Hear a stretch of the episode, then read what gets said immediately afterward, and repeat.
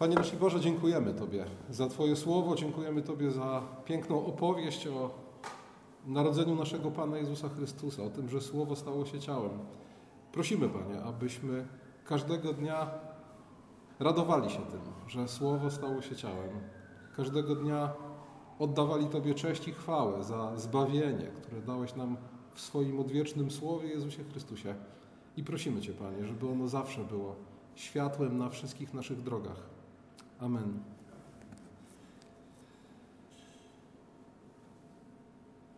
Ewangelia Jana, rozdział pierwszy, czternasty werset. A słowo ciałem się stało i zamieszkało wśród nas. To zapewne jeden z najbardziej znanych wersetów Pisma Świętego. Kulminacyjny punkt hymnu na cześć Logosu, odwiecznego Słowa Bożego. Jak dobrze wiecie, Ewangelia Jana, jak cały Nowy Testament, spisana została po grecku.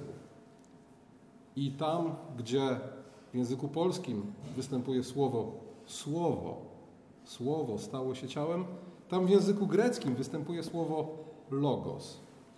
Ale po grecku, a zwłaszcza w kontekście greckiej kultury i filozofii, logos to znacznie więcej niż słowo, które wypowiadamy.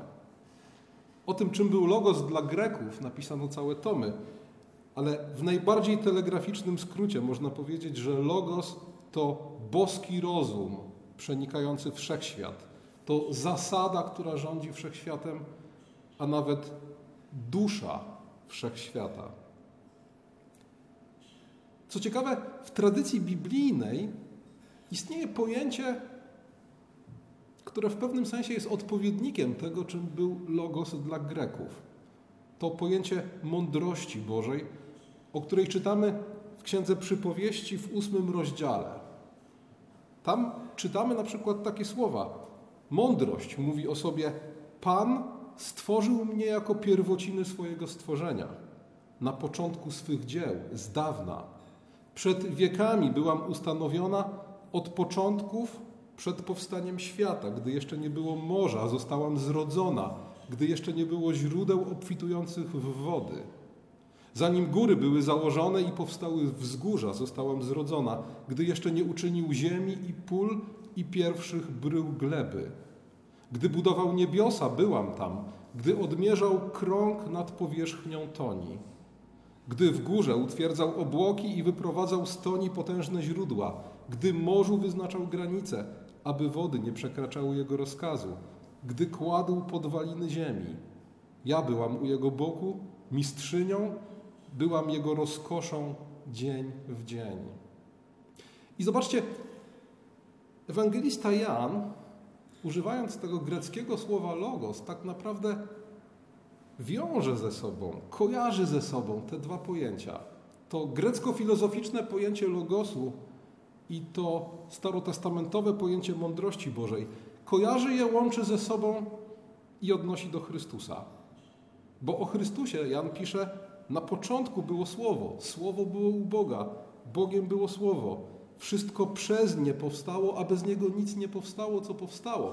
Słuchajcie, to z jednej strony każdemu żydowskiemu czytelnikowi przywodzi na myśl mądrość Bożą z Księgi Przypowieści Salomona, z drugiej strony każdemu Grekowi przywodzi na myśl, na myśl boski logos, o którym opowiadają filozofowie.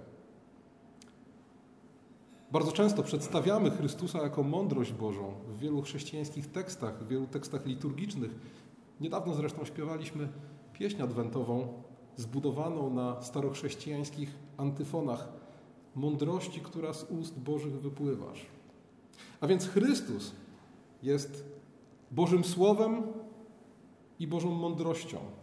Jest logosem, który jest duszą świata i pośrednikiem stworzenia.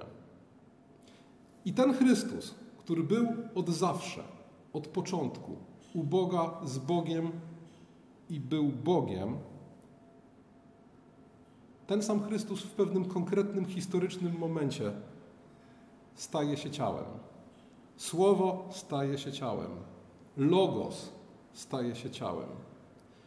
I tutaj apostoł Jan używa słowa sarks, które rozwiewa wszelkie wątpliwości.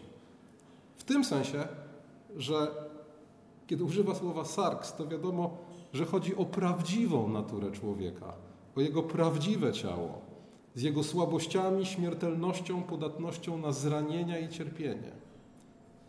To słowo sarks sprawia, że nie ma tutaj przestrzeni na spekulacje, że być może Chrystus był tylko podobny do prawdziwego człowieka. Być może jego ciało było w jakimś sensie pozorne. Nie. Słowo ciało stało się ciałem w tym sensie, że Chrystus stał się człowiekiem z krwi i kości. To słowo, które stało się ciałem, jak czytamy, zamieszkało wśród nas, a dosłownie rozbiło wśród nas swój namiot. I od tej pory jest wśród nas na zawsze. I tak jak w starym przybytku namiot, a później świątynia były widzialnym znakiem obecności Boga pośród Jego ludu, tak od czasu wcielenia Logosu, od czasu, kiedy Słowo stało się ciałem, ciało Chrystusa jest znakiem obecności Boga na ziemi. Co więcej, ta cielesna obecność Chrystusa nie zakończyła jej ani śmierć Chrystusa, ani nawet jego w niebo wstąpienie. Dlatego, że choć Chrystus w swoim ciele jest w niebie, to jednak ciałem Chrystusa, słowa, które stało się ciałem, jest tutaj na ziemi. Eucharystyczny chleb i wspólnota Kościoła. W jednym i w drugim przypadku Duch Święty ożywia to ciało. Dzięki temu mamy chleb żywy i żywe ciało, które Duch łączy w jedno. I to jest, moi drodzy, tak naprawdę ta wspaniała nowina, którą świętujemy dzisiaj. W dzisiejszym święcie nie chodzi o wydarzenie sprzed dwóch tysięcy lat, ale raczej o cud nieustannej Jego obecności na ziemi, w ciele. Ten cud, który dwa tysiące lat temu został zapoczątkowany. On trwa. Emanuel to znaczy Bóg z nami. Od momentu, kiedy począł się i narodził w Betlejem, do dzisiaj słowo pozostaje ciałem. Apostoł Paweł pisze, że ukrzyżowany Chrystus jest zgorszeniem dla Żydów i głupstwem dla pogan. Pierwszy list do Koryntian, pierwszy rozdział, 23 werset. Dokładnie to samo mógłby powiedzieć o wcielonym słowie, wcielonym logosie. O mądrości Bożej, która stała, którą opiewał Salomon, a która stała się człowiekiem. Gdyby zaczął o tym opowiadać na rynku w Atenach, to wyśmiano by go dokładnie tak samo, jak wyśmiano go, kiedy opowiadał o zmartwychwstaniu. Gdyby zaczął o tym opowiadać w synagodze, zapewne chcieliby go ukamieniować. Skoro dla Greków głupstwem było zmartwychwstanie, dlaczego głupstwem? Dlatego, że skoro dusza raz już uwolniła się z tego więzienia, jakim jest ciało, to po kiego licha miałaby do niego wracać? Skoro to było dla nich głupstwem, to wyobraźcie sobie, jak piramidalnym głupstwem musiała być dla nich idea, że logos, rozum i dusza wszechświata wciela się w ludzkie ciało. Logos to przecież byt nieporównanie doskonalszy, wyższy niż człowiek. Czego miałby szukać w ludzkim ciele? Dla Żydów herezją i zgorszeniem byłaby próba utożsamienia jakiegokolwiek człowieka z tą mądrością Bożą, która według słów Salomona towarzyszyła Bogu w dniu stworzenia. A więc tak jak ukrzyżowany Chrystus jest głupstwem dla Greków i zgorszeniem dla Żydów, tak, dokładnie tak samo wcielone słowo jest dla jednych głupstwem, a dla drugich zgorszeniem.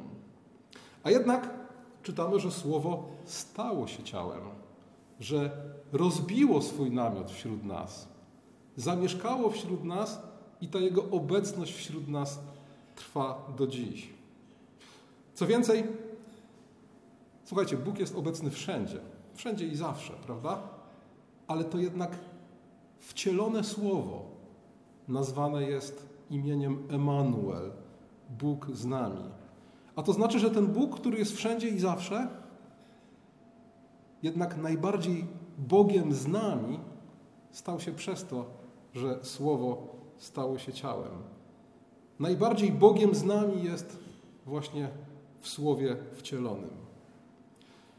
Kościół bardzo mocno od samego początku tej prawdy o wcieleniu Słowa bronił. Prawdy o tym, że Chrystus naprawdę stał się człowiekiem.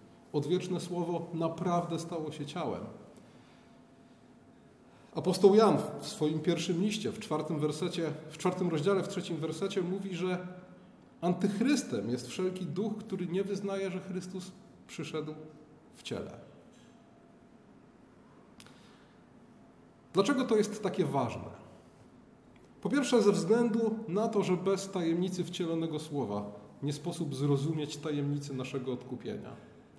Musiał stać się prawdziwym człowiekiem ten, który umarł, aby zbawić człowieka od jego grzechów. O tym można byłoby opowiadać godzinami, ale nie o tym chcę mówić dzisiaj. Dzisiaj chcę mówić o tym, jakie to wcielenie słowa ma znaczenie, jakie konsekwencje dla naszego postrzegania świata wokół nas i naszego życia w tym świecie.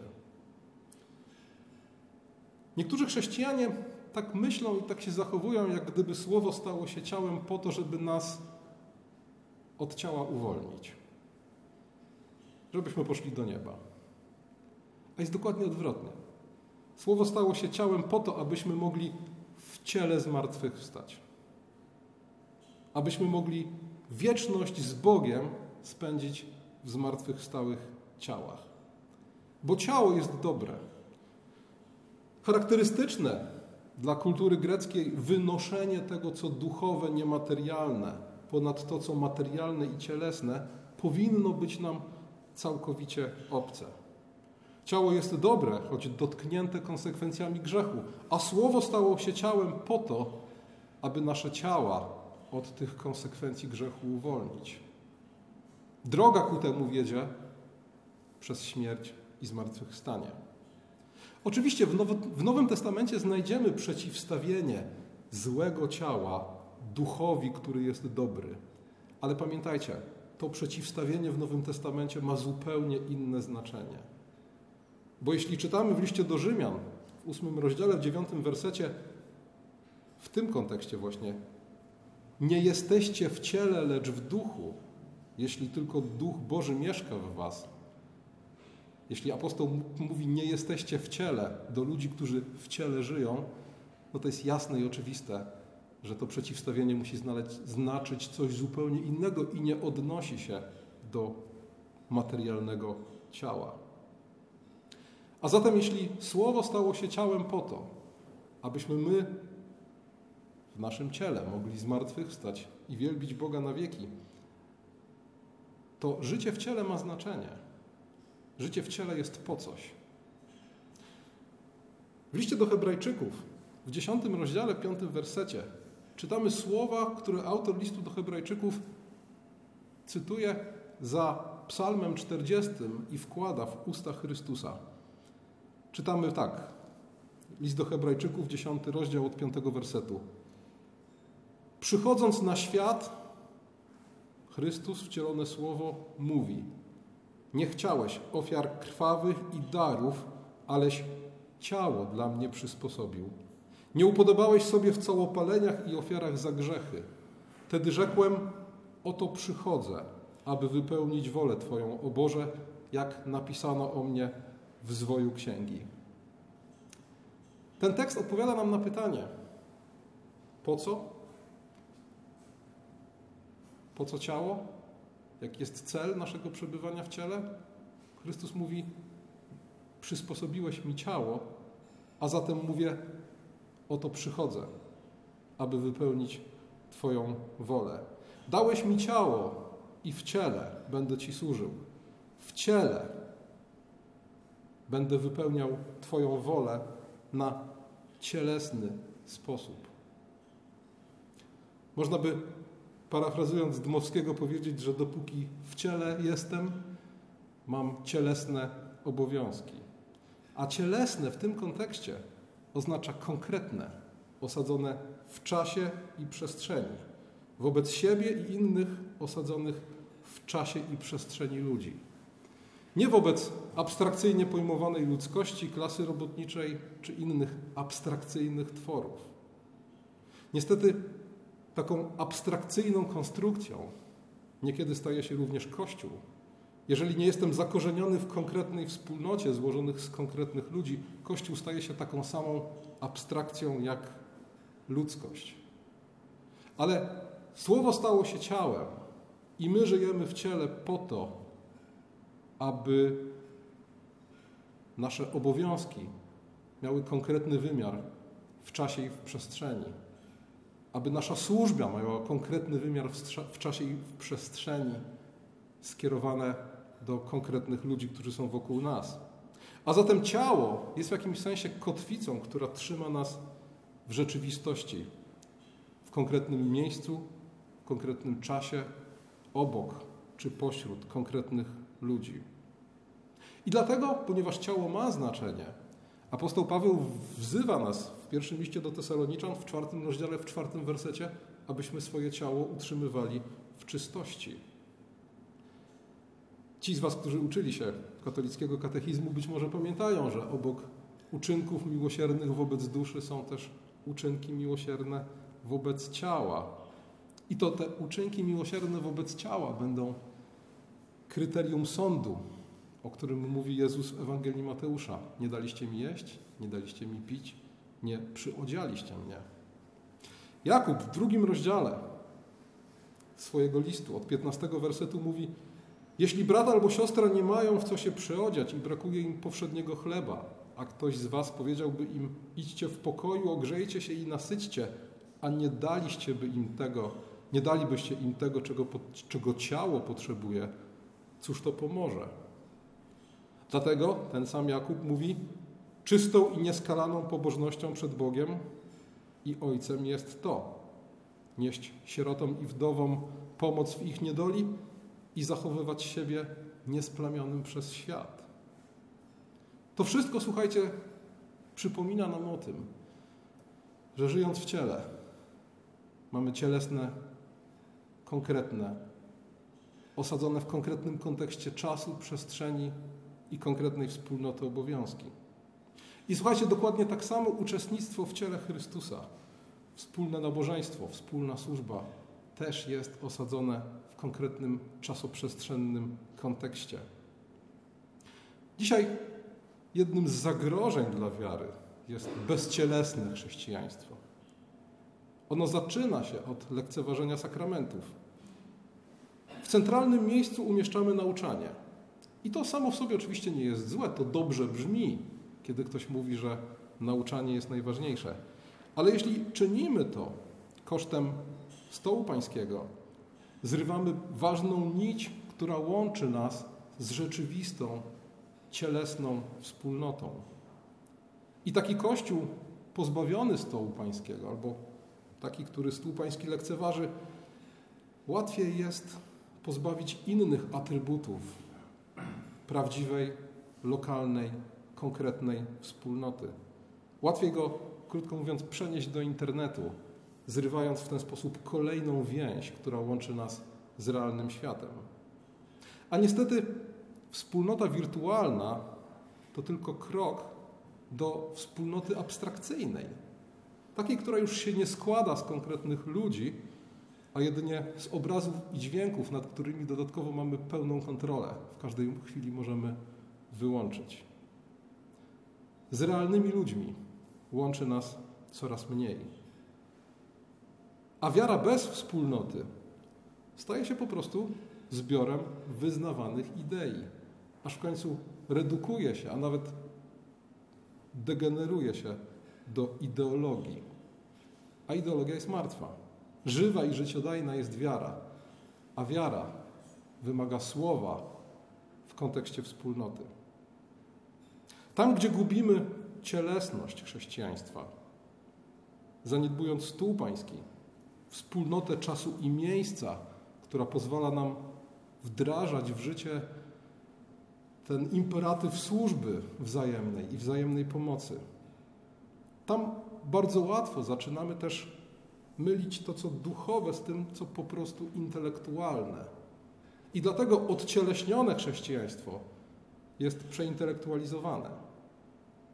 Kiedy przenosimy swoje chrześcijaństwo w wirtualny świat, wtedy karmiąc intelekt, mamy wrażenie, że karmimy ducha, bo sprowadzamy duchowość do ideologii. Bonhoeffer na temat życia wspólnego i tej czasoprzestrzennej wspólnoty pisze tak. To wielka łaska Boża, że jakaś wspólnota na tym świecie może gromadzić się wokół Słowa Bożego i sakramentu. Nie wszyscy chrześcijanie mają udział w tej łasce. Więźniowie, chorzy, samotni, w rozproszeniu, głosiciele Ewangelii w krajach pogańskich pozostają sami. Oni wiedzą, że widzialna wspólnota jest łaską. Jeśli komuś tęskno za cielesnym obliczem innych chrześcijan, nie oznacza to dla niego żadnej ujmy czy wstydu, jakoby do głosu zbyt dochodziło jego ciało. Jako ciało bowiem człowiek został stworzony w ciele z powodu nas. Zjawił się na ziemi Syn Boży, w ciele zmartwychwstał, w ciele przyjmuje wierzących Chrystusa Pana w sakramencie i zmartwychwstanie umarłych prowadzi pełną wspólnotę duchowo-cielesną stworzeń Bożych. Dlatego ciesząc się cielesną obecnością brata, wierzący wielbi Stwórcę, pojednawcę i Zbawiciela, Boga Ojca i Syna i Ducha Świętego. Więzień, chory, chrześcijanin w rozproszeniu dostrzega w bliskości swego współbrata w wierze cielesny znak obecności Boga Trójjedynego. Odwiedzający i odwiedzany w samotności rozpoznają w sobie Chrystusa, który jest obecny w ich ciele. Przyjmują siebie i spotykają się wzajemnie, tak jak spotyka się Pana, z szacunkiem, w pokorze i z radością. Przyjmują od siebie błogosławieństwo jako błogosławieństwo Jezusa Chrystusa. A zatem ta cielesna wspólnota, cielesna bliskość jest błogosławieństwem. Fragment, który przeczytałem, mocno skróciłem. Tam Bonhoeffer podaje jeszcze biblijne przykłady, dlatego zachęcam, aby do książki Życie Wspólne zajrzeć. Ale mówi też Bonhoeffer o szczególnych sytuacjach, które powodują oddzielenie od wspólnoty. I pisze o tym, że to oddzielenie wzbudza, a przynajmniej powinno wzbudzać w nas tęsknotę za wspólnotą. Pisze tak: Naturalnie to, co jest niewypowiedzianą łaską Bożą dla samotnego, może być łatwo wzgardzone przez codziennie obdarowywanego. Łatwo się bowiem zapomina, że wspólnota braci jest podarunkiem łaski, który w każdej chwili może nam być zabrany. Łatwo się bowiem zapomina, że wspólnota braci chrześcijańskich jest podarunkiem, który w każdej chwili może nam być zabrany. Zapomina się, że to może być tylko krótki czas który dzieli nas od najgłębszej samotności. Ostatni rok nie szczędził nam sytuacji przymusowego oddzielenia od wspólnoty. Wielu z nas z powodu choroby, kwarantanny czy obawy o własne zdrowie w jakimś momencie doświadczało tego oddzielenia. I słuchajcie, to jest dobry moment, żeby. To jest dobry test, w jaki sposób tę samotność przeżywamy? Czy w tej samotności tęsknimy do żywej i realnej wspólnoty? Czy doceniamy ją bardziej niż kiedykolwiek? Jeśli tak, to dobrze. A jeśli zadomowiliśmy się i dobrze funkcjonujemy w abstrakcyjnym świecie wirtualnej wspólnoty, to może warto się zastanowić nad tym, co znaczy, że słowo stało się ciałem. Na koniec, jeszcze jedna konsekwencja tego, że Słowo stało się ciałem. Tak jak cielesne są nasze obowiązki, cielesny jest sposób, w, jakiego, w jaki doświadczamy wspólnoty, tak cielesne są też nasze przyjemności. I ponieważ Słowo stało się ciałem, nie ma nic nieduchowego w tym, aby we właściwym czasie i we właściwy sposób cieszyć się przyjemnościami ciała w duchowym kontekście. W jakimś sensie świąteczne przysmaki i dobre wino, jeśli spożywamy je przy świątecznym stole z dziękczynieniem i w pełnej miłości wspólnocie z innymi ludźmi, wtedy pokrzepiają nie tylko nasze ciała, ale też nasze dusze. O tym wiedzieli ludzie w średniowieczu, dla których w pewnym sensie każdy posiłek, a zwłaszcza ten świąteczny, miał wymiar sakramentalny. Dlaczego? Dlatego, że każdy, a zwłaszcza świąteczny, wspólny posiłek jest jednym z sposobów, na który Bóg okazuje się być Emanuelem, Bogiem z nami. Amen.